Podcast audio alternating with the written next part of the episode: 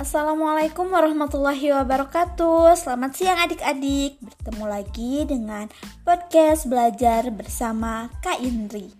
Semoga di mana pun adik-adik berada Kalau dalam keadaan sehat ya. Nah adik-adik Tahu nggak sekarang kita akan belajar tentang apa? Ya, hari ini kita akan belajar mengenai sumber energi apa sih yang disebut dengan sumber energi? Dan apa saja sumber energi yang sering kita jumpai dalam kehidupan sehari-hari? Yuk kita simak penjelasannya berikut ini. Sumber energi adalah segala sesuatu di sekitar kita yang mampu menghasilkan suatu energi baik yang kecil maupun besar. Energi adalah kemampuan suatu benda atau seseorang untuk melakukan usaha atau gerak. Ada beberapa macam bentuk energi dari sumber energi loh.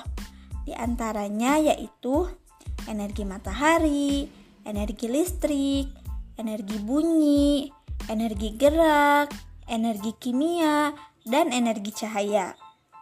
Dalam kehidupan sehari-hari, Energi ini memiliki peranan yang sangat penting loh. Manusia memerlukan energi untuk bekerja, bergerak, bernafas, dan mengerjakan berbagai kegiatan. Energi ini terdapat di mana-mana adik-adik. Bahkan tumbuhan dan hewan juga memerlukan energi untuk tumbuh dan berkembang. Nah, adik-adik, untuk pertemuan kali ini kita akan terlebih dahulu membahas mengenai energi matahari, energi listrik, dan energi bunyi ya.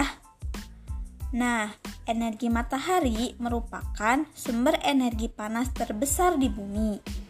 Energi matahari dapat dimanfaatkan sebagai pembangkit listrik tenaga surya.